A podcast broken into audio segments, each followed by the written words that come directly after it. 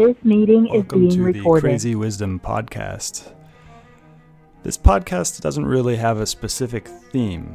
Uh, it covers a lot of my interests, it co- covers a lot of other people's interests. It goes into philosophy, spirituality, business, uh, how to live a good life, many different things. Ultimately, I don't believe in having themes for the things that we do. We can categorize the things, and obviously, we categorize things all the time. Uh, but I like to keep things open ended, a continuous process of discovering the truth as it is. Uh, and the truth is tricky because we can't really get to the truth uh, exactly because the truth is nonlinear. It is, in the words of John Vervaeke, combinatorially explosive. Uh, even the truth of this window that I'm looking at, the window itself, the glass that makes up the window is combinatorially explosive. The cup that holds your water is combinatorially explosive. You cannot model that cup totally in your head. You're only getting an image of it in with your eyes and your brain. That's not the actual cup itself. Uh, so this this show is a discovery of truth wherever it may appear by talking to people from various different fields. I've talked to artists, engineers, entrepreneurs, investors, uh, refugees. I've, I've just talking to anybody who has a glimpse into the truth. Uh, and through this conversation, through this mutual inquiry into what is true, what is real, hopefully we get to something that is helpful for to you. Now, we are in a time of crisis right now, uh, but it is in those times of crisis that we find our strength. And so, this show hopefully will help you to find the strength that is resting, that is deep inside of you, that is part of your birthright as a human being, and find that strength so that you can get through these difficult times. Also, I want to let you know that I'm offering breathwork sessions uh, every day. I've got seven sessions a day. Uh, and really excited to bring this to people. People have been really enjoying it, and it has brought strength to people and courage. And, and that's my that's my goal is to help you find the courage to uh, not only survive but to thrive in the next couple years, maybe because this virus is not going away. Um, it, it, usually viruses come in waves. Uh, so this is the first wave. It will go away, and then it might come back. I'm not saying that I know for sure it will come back, but we are in this for the long haul. So this is a uh, marathon, not a sprint, uh, and I want to do everything I can to help you not only survive but to thrive. Uh, so. If you are interested in that, please find me on Twitter at Stuart Alsop III. My DMs are open. I'd love to hear about what you think about this show. Uh, also, it'd be very, very kind of you to both subscribe to the show on Spotify, Stitcher, uh, iTunes, many of the major pot plat- platforms. And if you're really feeling generous, go ahead and give a review on iTunes. So join me for the breath work. Just send me a message on Twitter at Stuart Alsop III with your email, and I'll add you to the email list where I'm sending out emails for the schedule. Uh, hopefully, see you there. Have a great day. Welcome to the Crazy Wisdom podcast. My guest is Bernardo Oliveira. He is uh, working on a business inspired by what Strike and Jack Mallers is doing in the US, but focused on Brazil. So, welcome to the show, Bernardo. Thanks. Glad to be here. So, you just came back from the Bitcoin conference in Miami. What was the biggest thing you learned there? Yeah, I think uh, I spent a week there and attended the industry day and both uh, general admission days, and the panels were amazing. For me, the best part was being inserted in the community of Bitcoiners because I live in Brazil and we have so much of an embedded mindset of, of the Santa Claus state, which we like to call, which is expecting the government to take care of things for you and outsourcing responsibilities. So there are a lot of socialists and a lot of progressiveness here. Uh, and it, it, it, takes a toll in your daily lives, like especially during coronavirus and all the bullshit that happened uh, during those times. Now it's it feels like it's getting back to normal, but we're 100% sure the next wave of bullshit is coming anytime. Uh, but being there uh, amongst the Bitcoiners and especially the maximalists, the people who are inclined pro freedom and fighting this battle towards a, a brighter future, uh, it was amazing. So participating in some of the like uh, attending some of the panels, watching uh, my heroes, which put who put out great content like uh, Moose, uh, Aleks Svetski, Giacomo Zucco, they're all there. We went for dinner with all these guys, and it's just like out of this world to be inserted in that. So I went, I came back here to Brazil yesterday, and it already feels like too long. just waiting for the next opportunity to be uh, with these people again, because it, it just feels natural. Like you have conversations with common values and everything. So. So there's a bunch of questions I could ask from there. Um, the one I'm most interested in is what is the Bitcoin scene like in Brazil? And you, uh, if you want to give your actual location, go ahead and, and give your actual location. But uh, otherwise, like if I wanted to meet uh, people working in Bitcoin, could I go to a place like Brasilia um, and find people working with Bitcoin? Yeah, so I don't know how much of your listeners know about Brazil, but uh, we have approximately 200 million inhabitants here. Uh, the GDP is mostly focused in the south and southeast area. The state of São Paulo has probably 30% of the wealth being built uh, created in Brazil. So if you're gonna do business, if you want to start your uh, company or get a job, you most likely would move to São Paulo.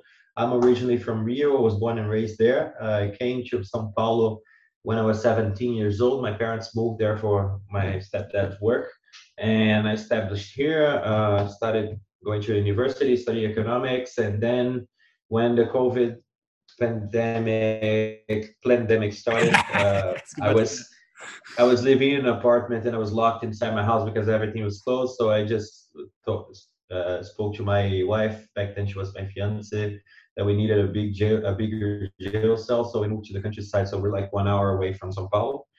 Uh, but yeah, it's a better life. But still, a lot of a lot of the hysteria uh, goes on a daily life. Like uh, you see a lot of people wearing masks in their cars, and the craziness has has stick right. Like some of the people uh, were completely scared and after the mask mandates fell and the vaccine mandates are about to fall as well people just remain in their fear uh, modes so.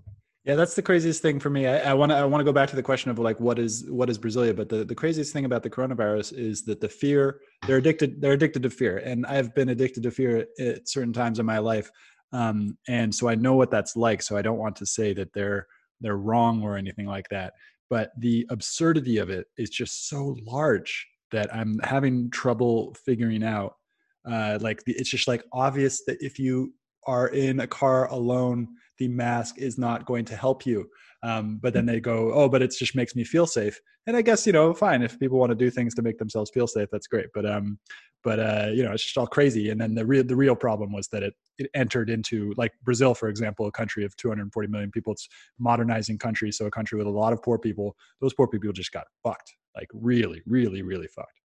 Yeah for me that was the most uh, hard pill to swallow in the beginning the early days of the pandemic uh, when we started arresting people who depend on their daily labor to survive. So people were selling uh, water in the streets or like have a a food truck or, so, or sorts like they're having their merchandise stolen and they're being beat up by the police. That that was revolting.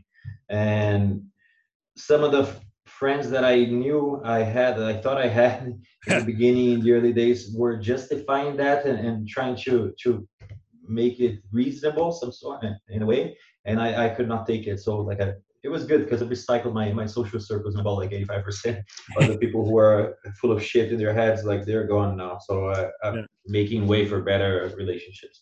Yeah, but getting back to your question about the the, the Bitcoin scene in Brazil, more widely the cryptocurrency scene because yeah, the, the economy is mostly centralized in the southeast region, as I said. Most of the Bitcoin and crypto startups are in Sao Paulo some of them in other states. But yeah, a lot of the people still haven't gone down the rabbit hole deep enough to realize uh, that only Bitcoin is truly decentralized. Only Bitcoin will, will take us out of the shithole that we're being pushed in with the CBDCs and the Great Reset narrative. Uh, so yeah, a lot of the people who are deep into crypto here still like uh, other altcoins and Ethereum and all this bullshit. So yeah, uh, we can talk about that for hours, but I've uh, been into crypto since, since 2017 and only in 2020 was that i actually realized that yeah it's only bitcoin not crypto.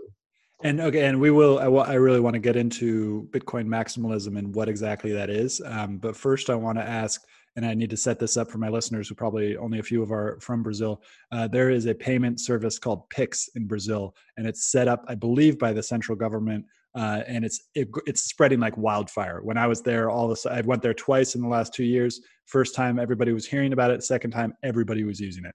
Um, and so, uh, in Bitcoin, er, in Brazil, is Bitcoin in competition with Pix, and what does that competition look like if it is? Yeah, surprisingly, Brazil was very well advanced in the, the CBDC agenda. Pix is kind of a precursor for that, is setting the, uh, the rails in which uh, everything is going to pull off. And the biggest exchange here in Brazil called Mercado Bitcoin, they've been uh, received investments by SoftBank and other major VCs. Uh, these guys are a unicorn already since I don't know three years ago, something like that. They are now they've been chosen by the central bank to participate in, in developing and building the, the CBDC, the Brazilian real.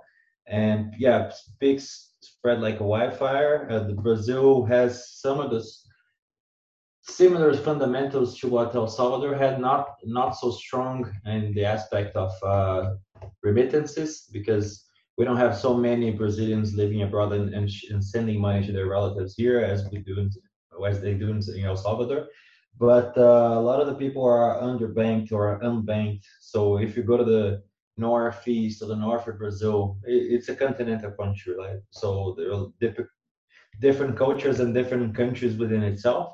Uh, but yeah, if you go like to a beach in the middle of nowhere in the northeast state of Ceará, for example, a lot of the people have their bank account, but like they don't use it that much, or they don't have a bank account. And Pix was the answer to their problems because for you, who are an individual merchant or you have a shop in the middle of nowhere or a restaurant for you to accept payments with credit cards. It usually takes a toll like 3% and fees and you can take up to 31 days for the transaction to be settled and you have to deal with all the chargeback because we have insane levels of fraud here. Credit card fraud people just uh, clone and copy your identity and spend with your credit card and then when you see you have this big uh, all these transactions that you don't recognize in your statement then you have to to go to your bank and contest that and then it becomes a nightmare. And usually who pays the bill at the end of the day is the the merchant who has accepted the payment so. Jesus. so that's a that was a big uh, fertile ground for Pix to grow on. Uh, people are not yet aware of how much of a surveillance state is going to be enabled by CBDCs and a low level of education here is average to low. So I would expect it to take a while until people realize it. But yeah, luckily we have central banks and there are money printers doing the job for us and spreading awareness that hyperinflation is coming and it's going to take a toll on everybody. So eventually, I think everybody's going to jump onto uh, more sound forms of money and especially Bitcoin. And so, yeah, this is an interesting segue into the Bitcoin maximalism uh, subject. I was thinking we were talking earlier about in the pre-interview talk about a about a friend of mine in Russia who is an American and had to figure out how to get money uh, to him uh, while all of the payment rails, all the payment channels had been shut off for Americans uh, living in Russia. And so he had to get a friend, he sent money to a friend in London who then using his American bank, and then the friend in London bought a stable coin, and then the the friend in London sent that to him, and then he exchanged that through a local intermediary through um, with uh, getting rubles in exchange for a stable coin. This is somebody who had never used crypto before. I thought it's interesting that he jumped very quickly on the crypto bandwagon because he had to. Uh, but what you're saying is that basically the through hyperinflation, and then there's a secondary question I want to ask, which is what is the relationship between the central bank of Brazil and the central bank of the United States? Uh, but what is but within this as well is why do you what do you think about this connection between hyperinflation and Bitcoin maximalism? Well, I think Bitcoin is the answer and the safe haven in which individuals can have money sovereignty and can protect themselves against the incoming hyperinflation, which is probably not probably surely inevitable. It's a matter of when, not if. And you can just look around our neighbors here. You have Argentina and you have Venezuela. two countries with already failed currencies and hyperinflated currencies, and you see that Bitcoin adoption and stable coins as well, because it's a way for them to avoid the, the volatility and protect themselves uh, from the inflating currency. Uh, just jumping on a wagon of, of the stable coin of dollar is a, already better than having a Bolivar or Argentinian peso, right? So uh, the adoption was crazy, even faster than what Pix uh, was in Brazil, and I think it's coming for for everyone. I think the there's the dollar milkshake theory, right, in which uh, they say that the fiat currencies are eventually going to fail, and given that the U.S. Uh, severed the, the link to gold in 1971 and every every single other fiat currency is tied to the US dollar but the, US dollar is tied to absolutely nothing. It's gonna suck dry all the value from all the other currencies, and the dollar tends to appreciate until it ultimately fails. So yeah, I think for now uh, we can look at Venezuela, you can look at Argentina, you can look at some countries in Africa as an example on how much uh, Bitcoin adoption and, and, and people tend to, to seek protection in the ways that are feasible to them and within reach and the first immediate uh, places that they're going to look for is cryptocurrencies. And now, as a Bitcoin maximalist, uh, I truly believe that only Bitcoin is truly decentralized. Only Bitcoin will ultimately give you the, the financial sovereignty that you need to protect yourself yourself against the the incoming Great Reset and the CBDCs and the surveillance state, in which we have already uh, some sort of examples, like in, in China uh, and other countries but yeah, people ultimately run towards his safe havens. And as Svetski said in the panel on back last Thursday, was called Wartime Bitcoin. It was the best for me. It was the highlight of the conference. And he he got up there in the middle of the panel and he yelled, "Make have no doubt about it. The biggest attack on Bitcoin are the altcoins and the cryptocurrencies." And I tend to to agree with that statement a lot, and I think that it deviates the focus and people are gonna look for safe havens and they're gonna look for Bitcoin, but also uh, if you can trick them into buying Ethereum, Solana, Ripple, whatever the hell they, they buy it, eventually is a pre-mined coin and it's centralized and, and they have a CEO and a headquarters. So ultimately the, the surveillance state, yeah, can just have a central point of attack. So yeah. they can just pass a law and, and confiscate everything. But does it does Ethereum have that uh, can Ethereum be leaned on? Like if they, you know, if because I think you know Putin already Putin has a relationship with Vitalik Buterin, uh, and uh, uh, you know in the United States, I'm sure could put pressure. That's the craziest thing about Bitcoin is that that thank God that Satoshi made himself anonymous uh, because now like like it's I don't think it's a direct connection, but I do think that there is a connection uh, between Vitalik not being anonymous and also having influence over the Ethereum community. Because if, if Vitalik says something, all of the people in the Ethereum community are probably going to do something. What what other ways though is Ethereum open to attack from uh, the uh, globalist octopus? you like that term that I use uh, randomly, yeah. So I think you can look up the World Economic Forum uh, website, and there is a link to Mia Yamaguchi, if I'm not mistaken. She's a board member of the Ethereum Foundation. I met her, and she yeah she works with WHF, WEF. Oh, so I'm not 100% sure I trust these guys, and as you said like you don't need a 51% attack on Ethereum. You just need uh, to lobby your way through the the Ethereum Foundation and convince Vitalik to to drive uh, the core developers into, into, a certain direction and people will follow right so yeah, it's, it's very much more centralized than what uh, it would be required to bring money sovereignty for the individuals participating in that blockchain.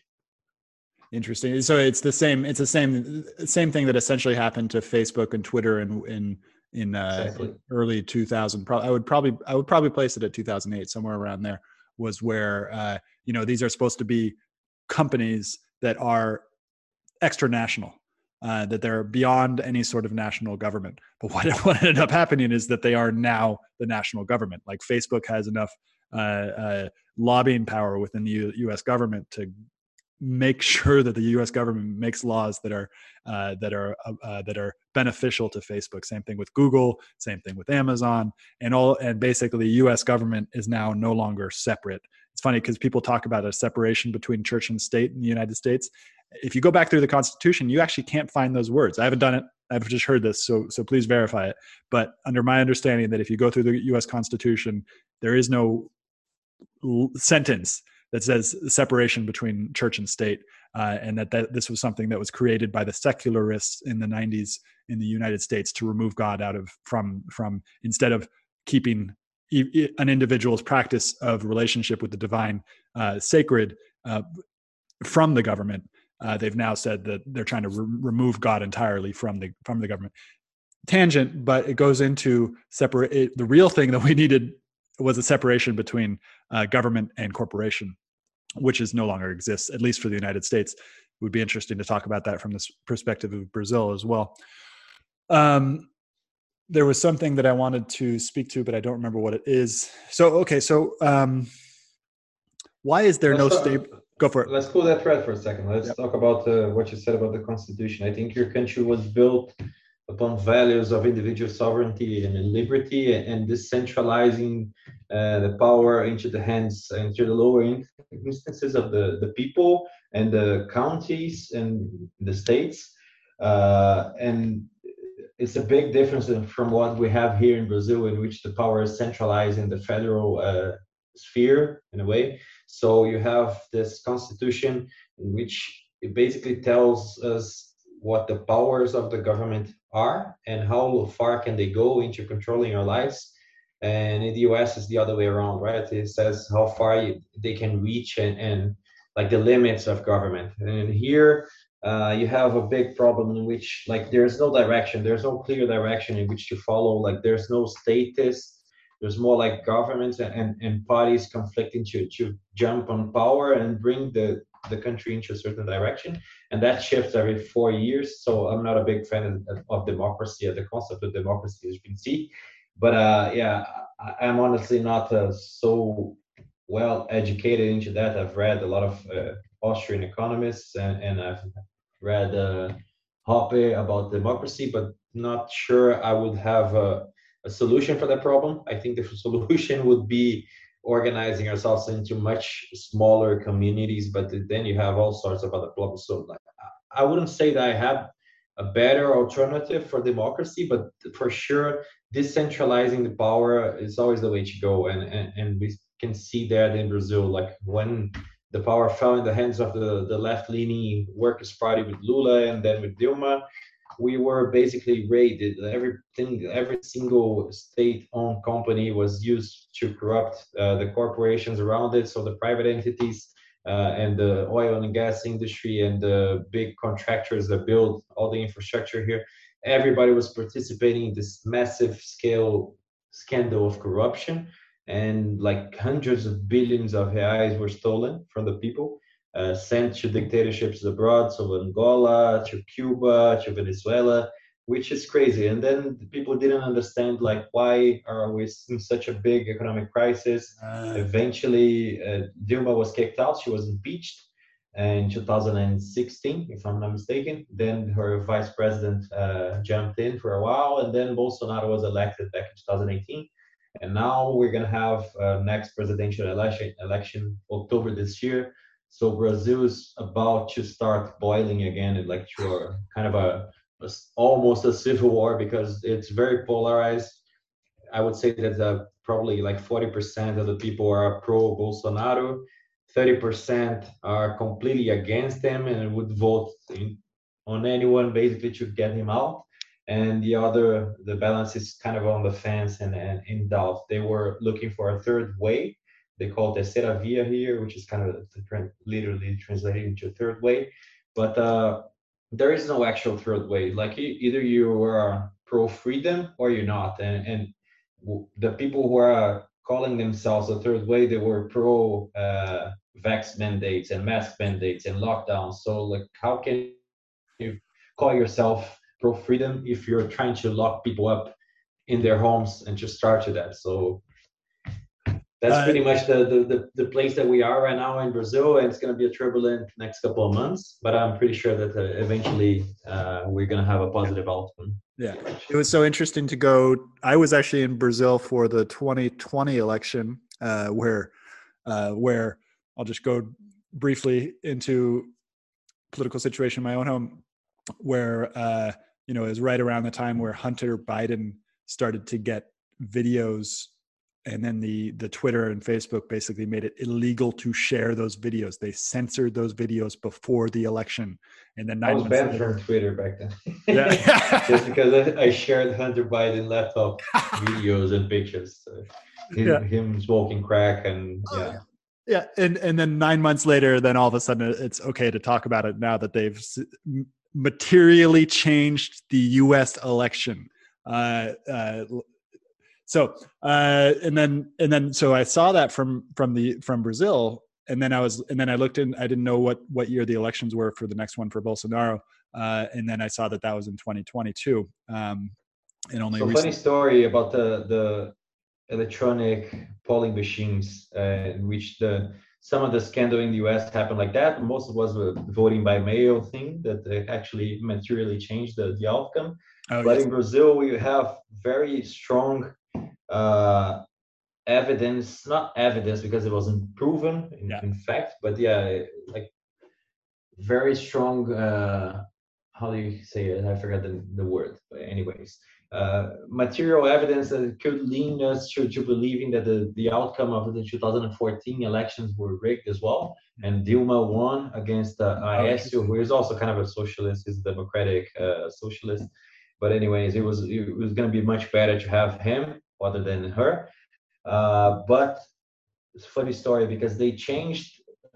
As I said, it's a big country and it's a continental country, and there's this territory, the state called Acre, which is in, in the middle of the Amazon. It was bought from Bolivia back in uh, I don't know early 20th century, and these guys they had the nerve to change the time zone there, and they shut down the election hours one hour later there. So they have this whole outdated uh, polling system and machine in which it's centralized. The counting of the votes are electronic, but they happen in a certain room in Brasilia, in the capital, the federal capital, with like 10 people inside that room. Nobody else has access to what's happening there. And basically, given due to the fact that the Acre time zone was shifted one hour, they had this one hour locked into their that room to materially change the outcome of the election. And then the same thing as Biden happened, like Biden at 3 a.m., everything suddenly flipped on his head and he won by a, a thin margin. That's what happened with Dilma as well. And so I was yeah, I was living back in Barcelona. I was doing an MBA back then. And I had like 30 or 40 Brazilian friends living there and studying with me. And I followed that from the internet and I saw the evidence that that was happening right in front of my eyes, the election fraud. And the next day, I remember telling all my friends, my Brazilian friends, that there was election fraud. That they were like literally calling me insane. People are the, the cognitive dissonance is is, is yeah. a great concept. It's um, it's like really crazy to watch, like in in front of your eyes. Like people would go into this amazing distances to try to not face the fact that they're being tricked and they're being enslaved. So. Yeah. And that's, you know, that's the, uh, I've been talking to a lot of people recently about that type of stuff. And it's, uh, it's always been that way. We've always had that anytime a human tries to kind of break out of the dystopia that I understand that we're in, um, you know, uh, and try to say like, "Hey guys, we should look at that thing. Look at that thing," uh, and everybody's like, "I don't want to look at that thing," and then they get really, yeah. really, really angry, uh, or they get really angry, they run away, um, they deny, they um, you know, and that's where violence comes from. Is is like, and this would be interesting to talk talk about too, because a lot of people who talk about Bitcoin also talk about how Bitcoin is the first type of type of money that is that sound money that is not non-violent. So it removes the monopoly of violence on the state of the state from its relationship to money, uh, which is a really interesting. I like. I think a, a lot of people get vi- uh, uh, nonviolence and passivity confused together. Nonviolence is not passivity. Um, so it's not like I would say it's even a little bit different from the it's not taking away the monopoly on violence from the state. They're they're still gonna have it. Yeah. However, as they uh, I forgot the name of the author, but he wrote the the sovereign individual back in the 90s, and he says that with the information era, uh, the returns on violence tend to diminish, Yeah, and that's what we are facing right now. We're watching in front of our eyes, basically, uh, with the the advent of Bitcoin. I would say it's the discovery of Bitcoin more than the invention of Bitcoin. With the discovery of Bitcoin, I think that the returns on violence are now uh, much less than they were before because you can always raid uh, a bank and you can always raid people's homes and confiscate their gold or their dollars. But you can, unless you have a, a, a way to torture every single individual into their into getting access to their private uh, seed, you're not going to be able to access their Bitcoin, right? So, like, good luck, state, and try to confiscate the Bitcoin. So, eventually, if everybody jumps on the Bitcoin wagon and abandons fiat, these people are like they cannot fund their their monopolies of violence anymore. They're still going to have it, but it's going to deteriorate until it's it's extinct. So these people are going to be defunded into starvation. So that's that's the dream. That's the the dream vision that we as Bitcoiners, especially the maximalists, are are working towards.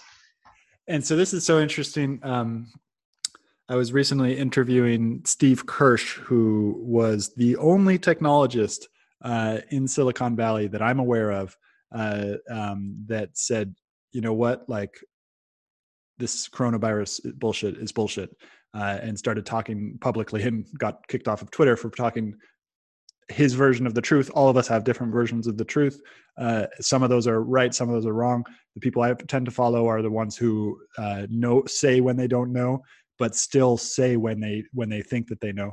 Um, and uh, and so Steve Kirsch was. I asked him at the end about uh about his security process, and he gave me the most detailed, ridiculous, uh, uh you know, hardware wallet um, with riddles that his family knows riddles that only they know the answer to uh, and that you know like it's just like totally ridiculous uh, and beautiful um, and uh, and it's just so inspiring to me this hardware wallet type of situation and I, I had heard a stat i now believe that it's not an accurate stat that of the 19 million bitcoin that are around you know probably about a million of those are lost and then there's another 18 million and then only 1 million of those are on exchanges at the moment i think that's inaccurate please if anybody's listening or if you know uh, uh, uh, please help me to verify how many bitcoins are off of exchange on hardware wallets um, that are that are outside because all the exchanges can be leaned on and are already being leaned on. Coinbase is going to is going to end up in the same position. It may or might already be in the same situation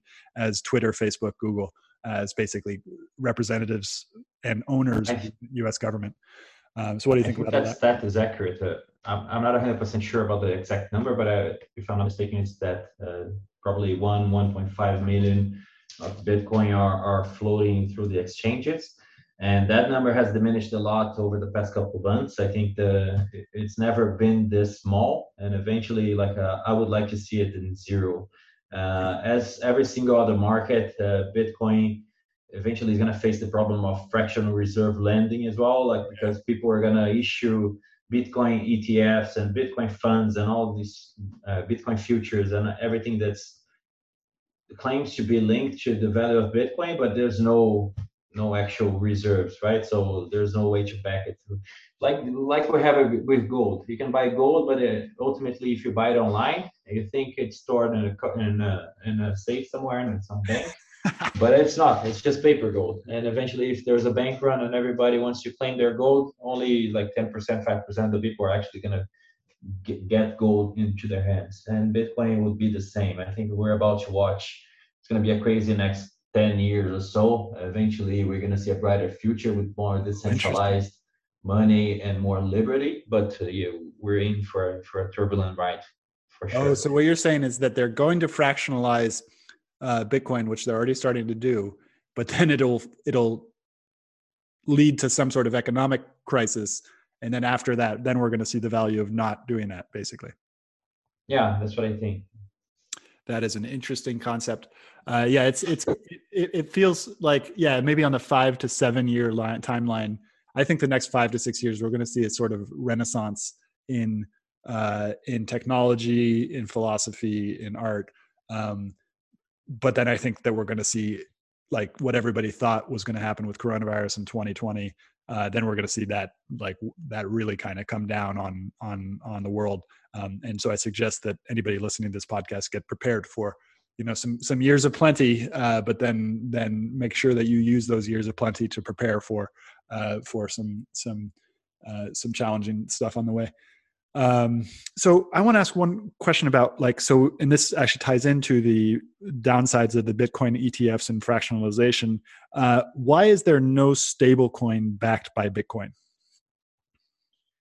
That's a good question. I think uh, for now they're starting to to work on on projects with sidechains and, and and also with mm. stable coins on the Lightning Network. Oh, interesting. But it's still not something that has proven itself as solid and safe.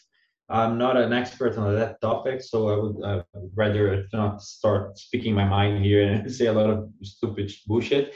So, but I think uh, ultimately people are trying to jump onto the Bitcoin wagon. They they understand the value of Bitcoin and decentralization. They're not so much worried about the the fluctuation and the volatility because if you're a hodler, you know that in the short to midterm there's going to be volatility for sure. But once this uh, this asset class or the asset class of Bitcoin grows exponentially, which ultimately it will, there's no other way around it.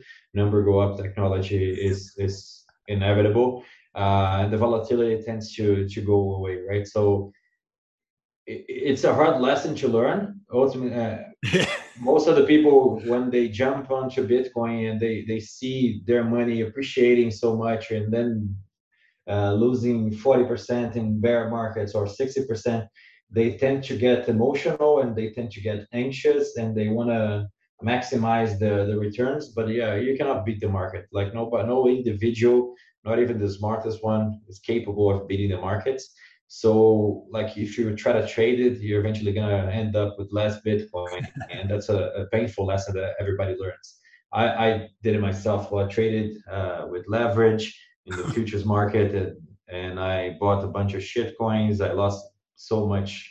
Probably like 60% of my stack is gone from doing stupid shit since the beginning. So if you just hold it tight and just learn, uh, the more you learn about Bitcoin, the more com- uh, convicted you are uh, about its value and how much it's going to appreciate and take over the world, the less anxious you get, right? So you're more certain that everything's going to be all right in the end, and you you kind of like reduce your time preference, and then you you learn to sit on your losses or your gains and just wait through it. So.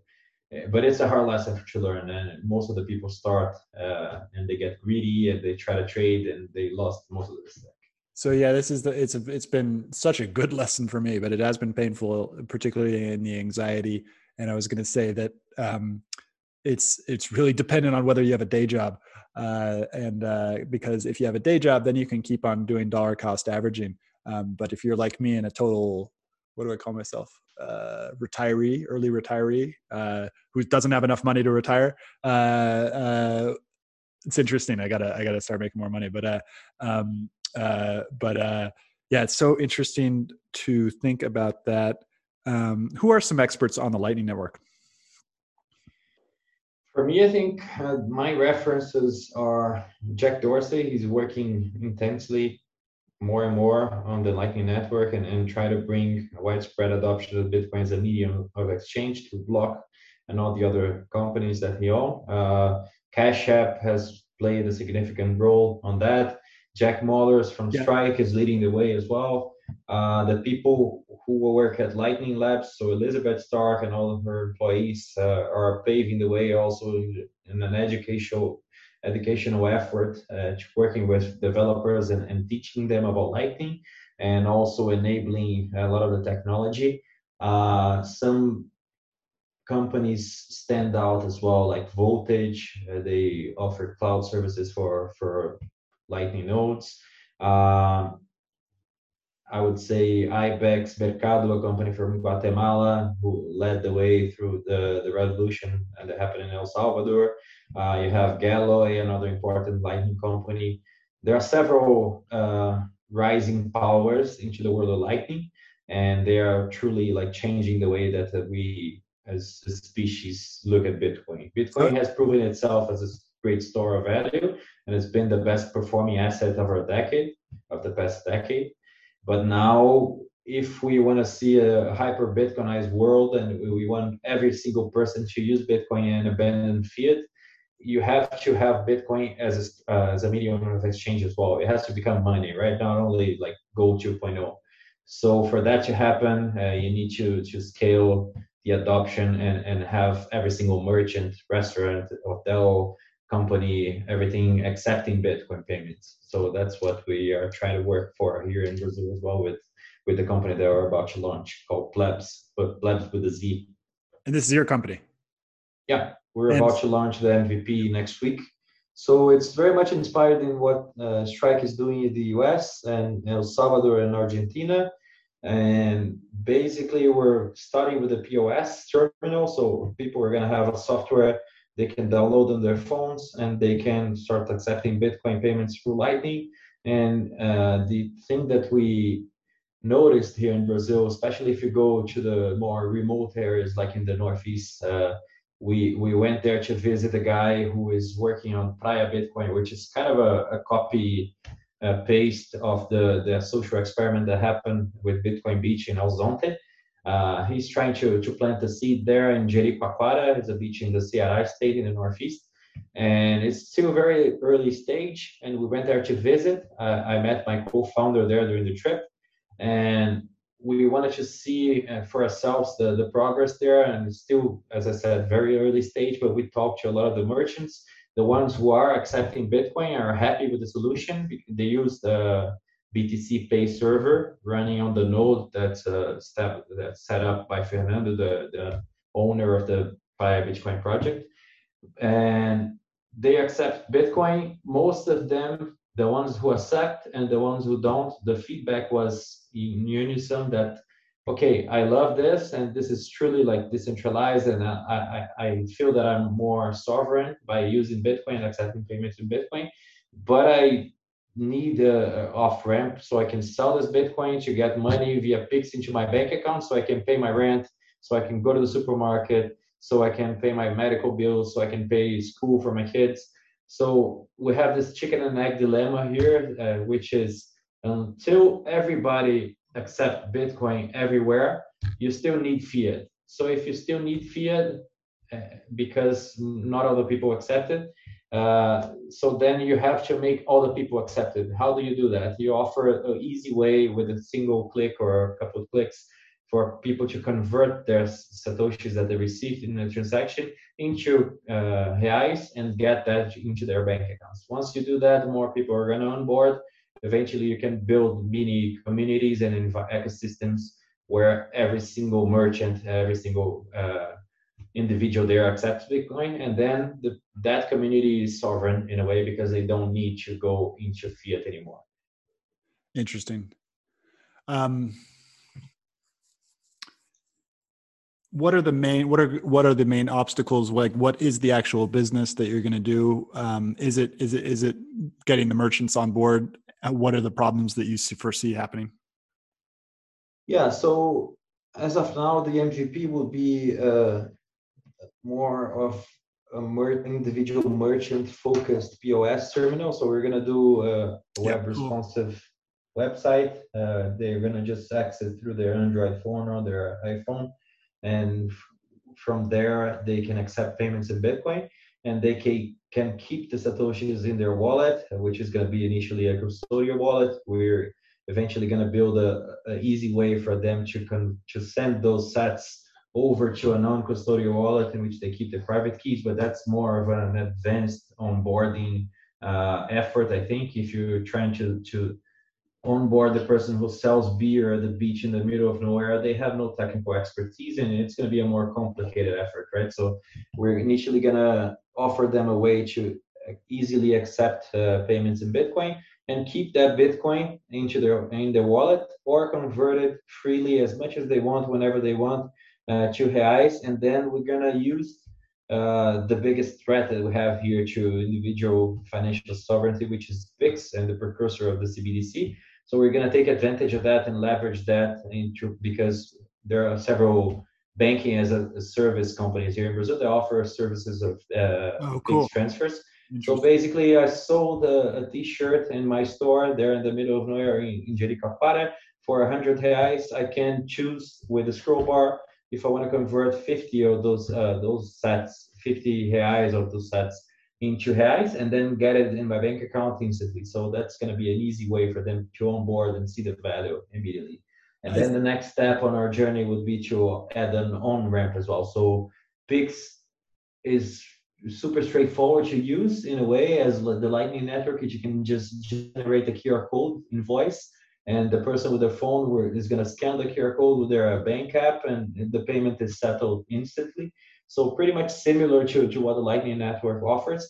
And we're gonna add that as a functionality also in the product, so people can pay with the Pix QR codes and the merchant can choose to convert that to sats if they want. So that's going to be more more or less inspired on what uh, Strike is doing uh, and in the so, US. Yeah, and so something that's coming to mind is is thinking about large businesses and also small businesses. I don't know how how small or medium sized businesses do this, but I know that large businesses keep a lot of cash on hand, um, and they do this as a sort of uh, way to I mean, I, you know, Apple had some. I remember they had something like one trillion. It might have, it might have, might have changed. They have something like one trillion U.S. dollars on hand, um, and they do this in a way that tries. I don't actually know why they do this, but I'm very interested why they do it.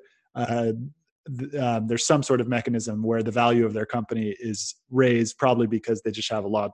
Like it's a, kind of a power move, basically, type of thing, and they can raise. That's what they can do. They can raise money using that money using that one one trillion dollars they can leverage that money in order to get loans and and all sorts of crazy crazy stuff that people can do with lots of money and so it makes me think about like businesses themselves and thinking about cash on hand and it makes a lot of sense at the moment particularly if what happens to the price of bitcoin next is it you know skyrockets um, and it does feel like there's some sort of imminent that might be kind of my my own um, my own wish, but I do feel like in the next few months, particularly with the recent hyperinflation numbers coming out of the U.S. only in the past week, like it's coming. Hyperinflation is coming, uh, and uh, and so, in my understanding, when that happens, Bitcoin rises. Um, once people get under that, once once the people who are most at risk from holding Bitcoin sell their Bitcoin for dollars, um, once that initial wave of people getting being like, oh shit, you know, like uh, I don't have enough US dollars, so I'm going to sell my BTC to get US dollars so I can pay the bills. Once that initial wave of people who are scared goes down, which I believe kind of just happened uh, in the last, the shot the price of Bitcoin down to lower than 40k to US dollar. Um, once that happens, then it kind of like then then people realize, oh shit, like this is the only form of sound money that exists right now, um, and so uh, it feels like it feels like it's coming. So it feels like the smart business move, like what what's his name, Michael Saylor Michael Saylor, yeah. Yeah. He's leading um, the way and showing how it's done. Yeah. I would say that if you're a corporate CFO and you're not trying to convince your board every single day into buying Bitcoin with the assets, uh, with the cash reserves that you have in your, company, you're, you're doing a poor job. You should really reflect and, and, and try as much as you can. So I was in Miami for the conference and I met a guy, uh, his, his handle on, on Twitter is Contan Gorilla. He owns a startup, a logistics startup here in Brazil, and he he's the CEO and co-founder. And he was telling me how much of like his efforts every single day is trying to convince the boards and the investors that he wants to get the money that they have on cash and buy Bitcoin and hold it. And they're still not convinced. People don't still understand the value of the play but uh, eventually it's going to prove itself as the most uh, attractive thing you can ever do with your with your cash reserves for for a company. Uh, Michael Saylor is leading the way, is showing how it's done. I think most of the companies are going to follow suit when when it's time. There's a saying here in the Bitcoiner world that you get you pay the price that you deserve, right? So eventually everybody's going to realize, but then it's going to be too late. Uh, now uh, Bitcoin is like 39.5k dollars it's on sale. It's insane that we're watching the world uh, crumble as it is right now in front of our eyes, and we're not all going all in on Bitcoin. And the prices should be like 100, 150k. I don't know how how far, but yeah, it, it's like the most attractive opportunity that you probably we're gonna see in our lifetimes. That was the craziest thing. I first, uh, I'll go ahead and say it in a public sphere. The first time that I ever uh, bought Bitcoin was in 2014. Um, I, and I might actually have been earlier than that. I think it was around 2013, 2012, uh, and uh, it was fifty dollars a Bitcoin and I used it to buy drugs off of the Silk Road. uh, and uh, so the most expensive drugs I've ever done. Um, and uh, I was living in India at the time. Hopefully, I, the Indian government won't find out and uh, and uh, bar me from entry. But uh, um, I was living in India at the time, and and all they had was hash. and I, me and my Brazilian business partner, we were doing a lot of ideation because we were building a product. And cannabis is really helpful for for ideation. It can be helpful uh, as long as you actually do the things you come up with the ideas that's the main problem that most people don't understand is that they actually have to do the thing that they come up they, they come up with the idea then you have to do it. Um, and uh, and so we actually ordered cannabis from amsterdam uh, and, and, and, got it sent as, as probably now 40 $40000 worth of cannabis. Um, and uh, and uh, so but then you know and then i forgot about it for a long time and uh, and then you hear you know you hear like oh bitcoin's two thousand dollars two thousand dollars. I'm like holy shit like what what the hell happened? Uh, and uh, and at the first i was like oh i'm out. It's already it's already two thousand dollars. Um, and then at some point along the line i realized oh okay i get it. Uh, like it's just gonna keep on going up. Uh, and uh, and then i remember reading about a swedish engineer who this was probably in 2017 2018 somewhere along that lines who had um, who just did the math on the on the the supply and demand that there's only 20, 21 million that will ever be created 1 million of those have already been lost uh, and 19 million are have now been issued so there's you know uh, there's another 2 million to go. Uh, and it's really interesting to think of and so he bought a he bought a lot now he's an extremely wealthy man uh, and um, it's really interesting to think about how 21 million is not a lot when you think on a global scale. It's a very small amount but when you think on a personal scale, it's a huge amount.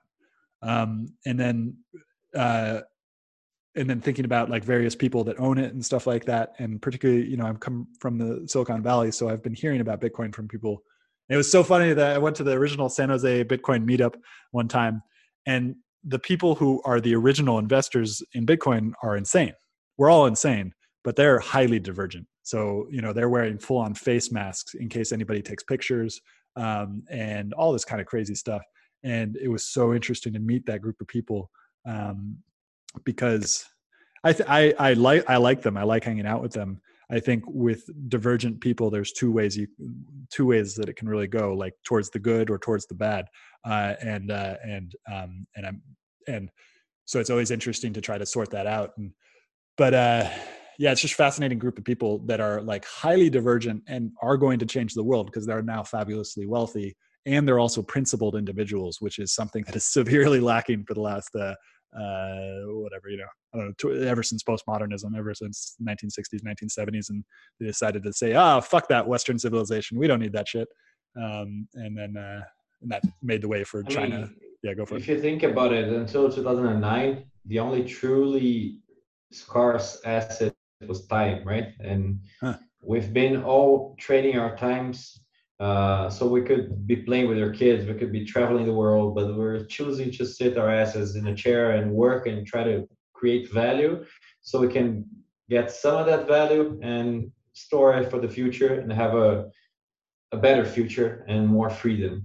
And the government simply presses a fucking button and they print more fiat in oblivion and they steal you, they rob you of your time. So if that's not slavery, I don't know what else to call it. Uh, so they they stopped uh, enslaving human beings out like uh, blatantly, but yeah, for now, like uh, we have ever since we have like partial uh, hidden slavery through fiat printing. And now, since Satoshi came out with the white paper, now we have a, a second category of truly scarce asset because you, you can always create and mine more gold. So you can inflate the, the stock of gold by 2% every year. And if the prices go up, you can like always do a little bit more and then it goes to 3%, whatever. Uh, fiat is super cheap uh, to, to just print more of. And all other assets are ultimately inflatable, but not Bitcoin. Once you, once you reach the 21 million, uh, threshold, there's not going to be another Bitcoin issued. And people who don't understand that, they claim, no, but you can always change the consensus. No, you can't. Like, unless you have 51% of the hashing power in the world, you cannot change the consensus. And good luck trying to get there. So, well, and, and, and the, the thing that we learned in the 2000, I think it was 2018, the blockchain wars was that you can change the consensus, but you have to get everybody else to buy your shitcoin. Uh, exactly. Uh, yeah, yeah, which is not going to happen now that Bitcoin is where it's at. I, I was having a discussion on Twitter today uh, exactly on that topic. So basically, uh, somebody was pro Ethereum and saying, yeah, but you cannot do smart contracts, you cannot do so many things that Ethereum can do on Bitcoin. And I said, yeah, you cannot yet, but with Taproot, for example, you have like major steps and advancement towards eventually having smart contracts on Bitcoin. Uh, in 2017, there was this dude named Roger Ver who was famous and, and, super wealthy in the Bitcoin Core development world. And he was known as the Bitcoin Jesus. And he was advocating for bigger block sizes because the transactions were taking forever and too expensive to, to verify. So he wanted to create uh, a bigger block size and he tried to convince people into doing that. Eventually, it was a, a what you call the, the block size wars. It was 2017, if I'm not mistaken.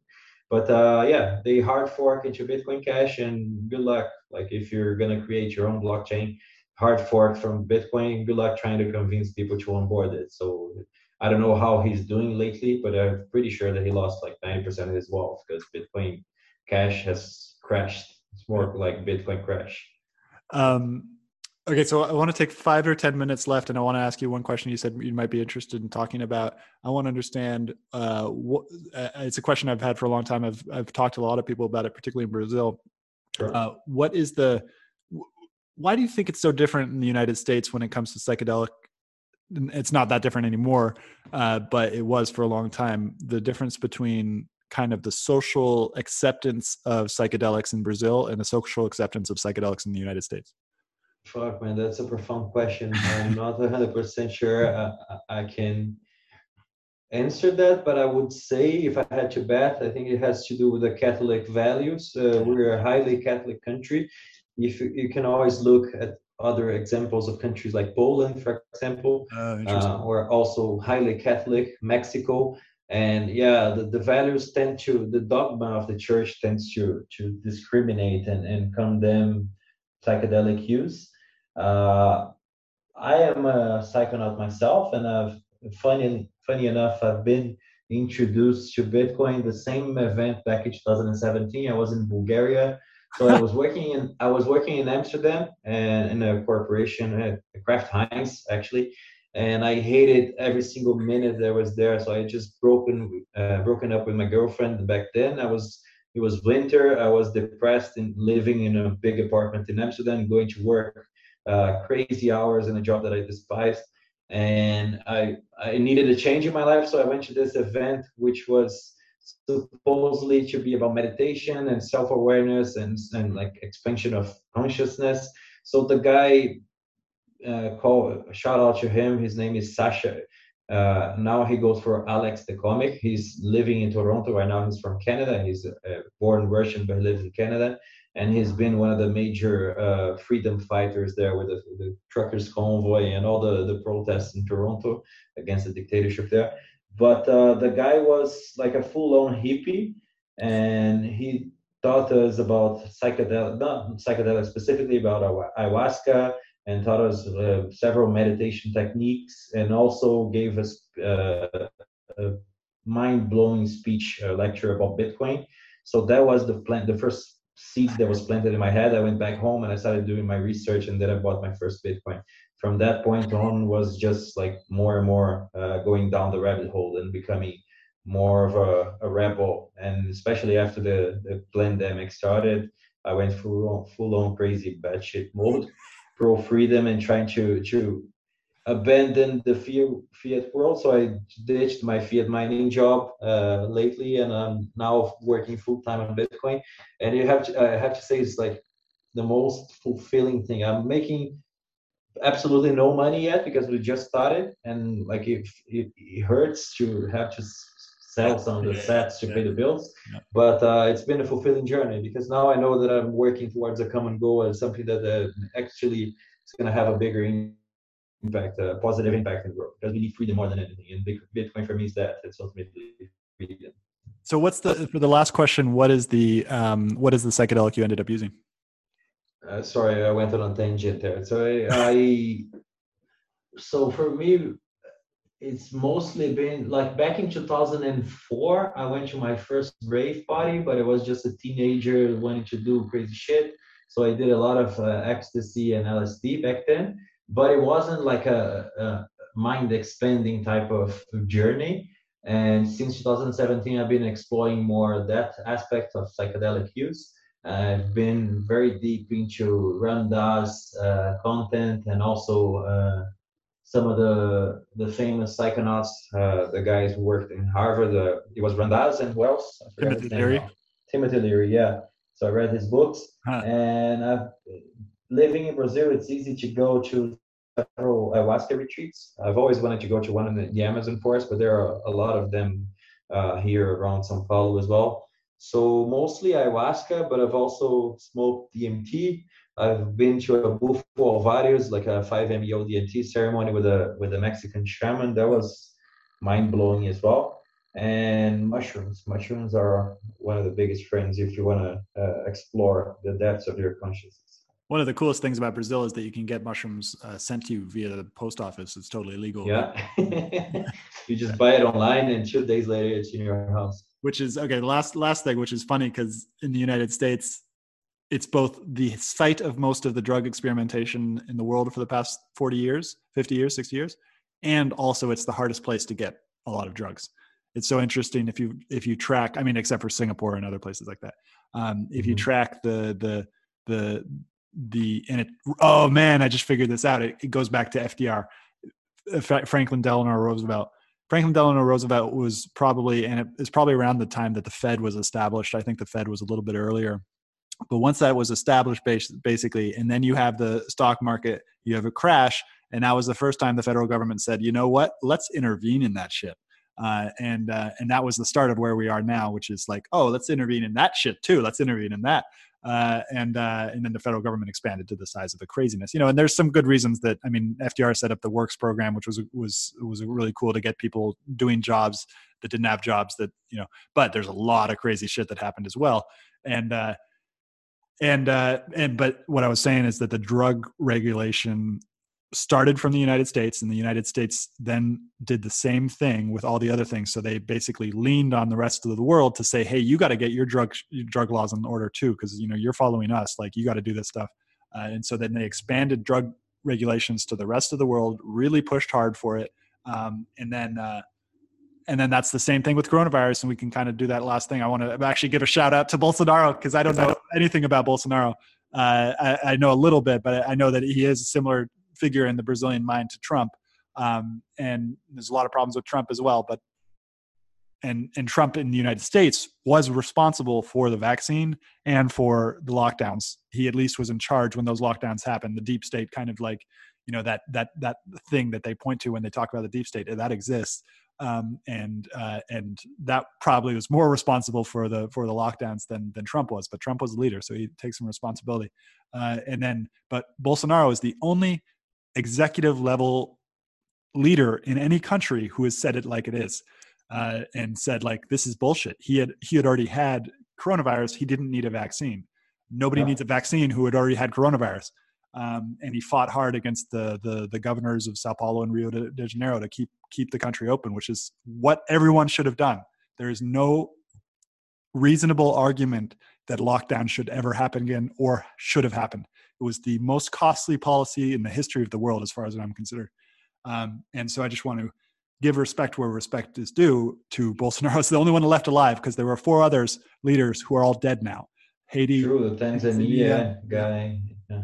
So uh, I have a lot of divergent points uh, with Bolsonaro, but yeah, uh, uh I'm definitely going to vote for him again. I voted for him back 2019, and especially after the COVID hysteria started, he was the most uh, relevant freedom fighter here in Brazil and defending individual rights and fighting for the, the rights of people to go to work and sustain and, and, and provide for their families.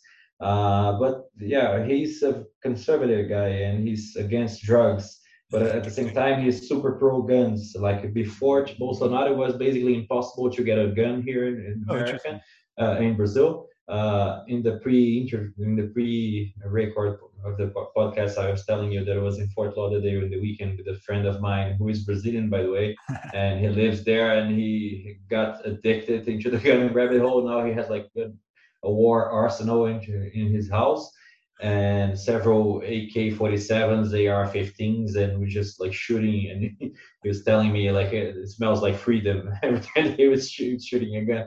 So now, thanks to Bolsonaro, I, I have two pistols. Oh, uh, interesting. Stored safely in my house. So if, if shit hits the fan and and things start getting really worse, uh, really really bad, I know at least that I can protect my family, which is kind of kind of positive in a way. And I have Bolsonaro to thank for that. And you can see you get a lot of videos uh, in WhatsApp here. Brazilians all use WhatsApp all the time, and a lot of people are, especially the ones who have kids, they're super concerned about the violence problem here in Brazil because a lot of like there uh, people get kidnapped all the time, like a lightning kidnap in a way. That's the literal translation. So people just uh, rob you at gunpoint, put you in a car, and take you to your bank to, to cash out all the money they can. They can. Uh, that has become a big problem over the past couple of years, especially during the P, uh, PT, the, the Workers' Party government, uh. the urban violence problem, and the uh, drug lords here.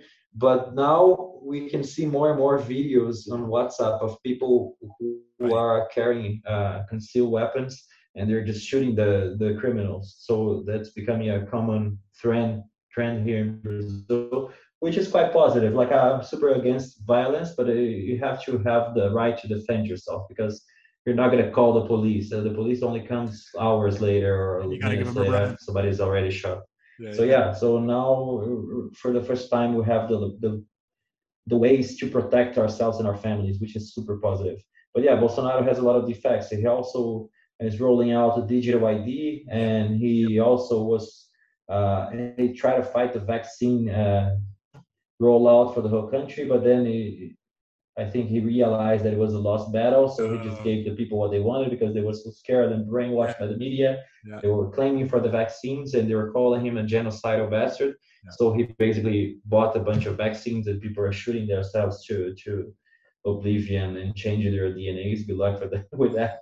Uh, but Bolsonaro has some some defects, but you have to be strategic about it. They have to look around and see what are the biggest threats towards your uh, individual freedom, towards the livelihood of your family, and for sure it comes from the left. The threat now comes from the left, so you have to vote strategically. Like I'm not a I'm a libertarian, but I wouldn't say that I'm a anarcho-capitalist. that are so like idealistic that would not vote because that's uh, uh, participating in the fraud. No, like uh, you have to be strategic. You're not gonna uh, destroy the government next week. So the government still it's still gonna be there. I'd rather it be Bolsonaro than a fucking communist coming like to to steal your your food from your table. So.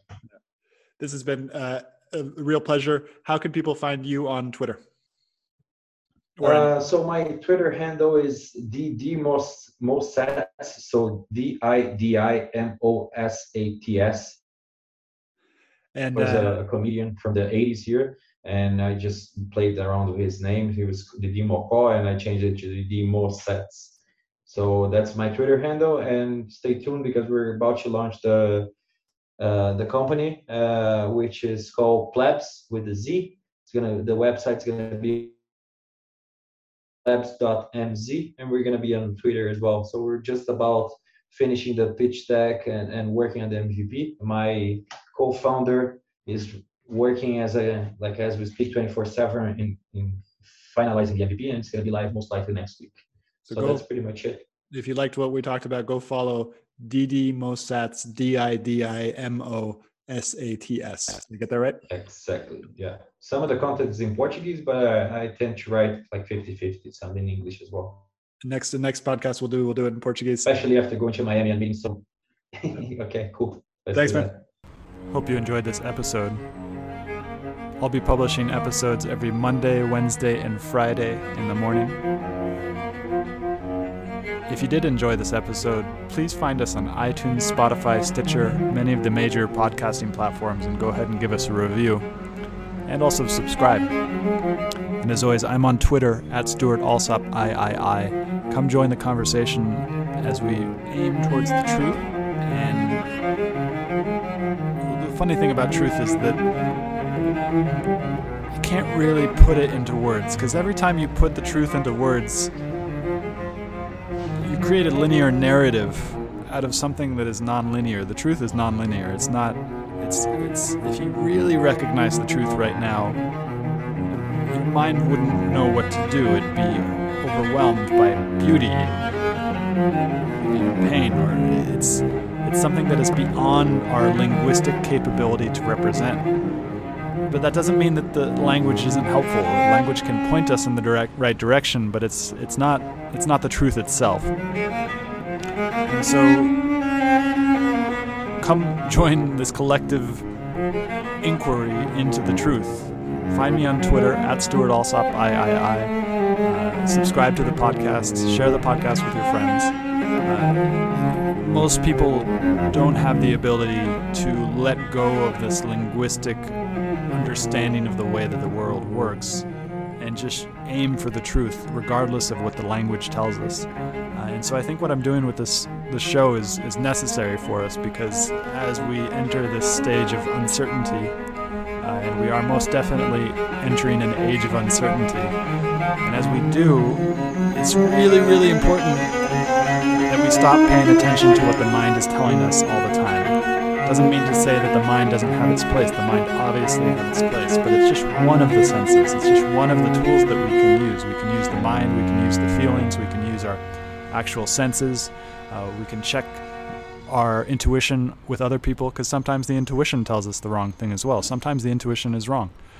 So it, we can't we can't rely on any one tool to get us there. So come join the show. Find us on iTunes. Find us on Twitter at Stuart Alsop III. Uh, and come join the, this inquiry for truth.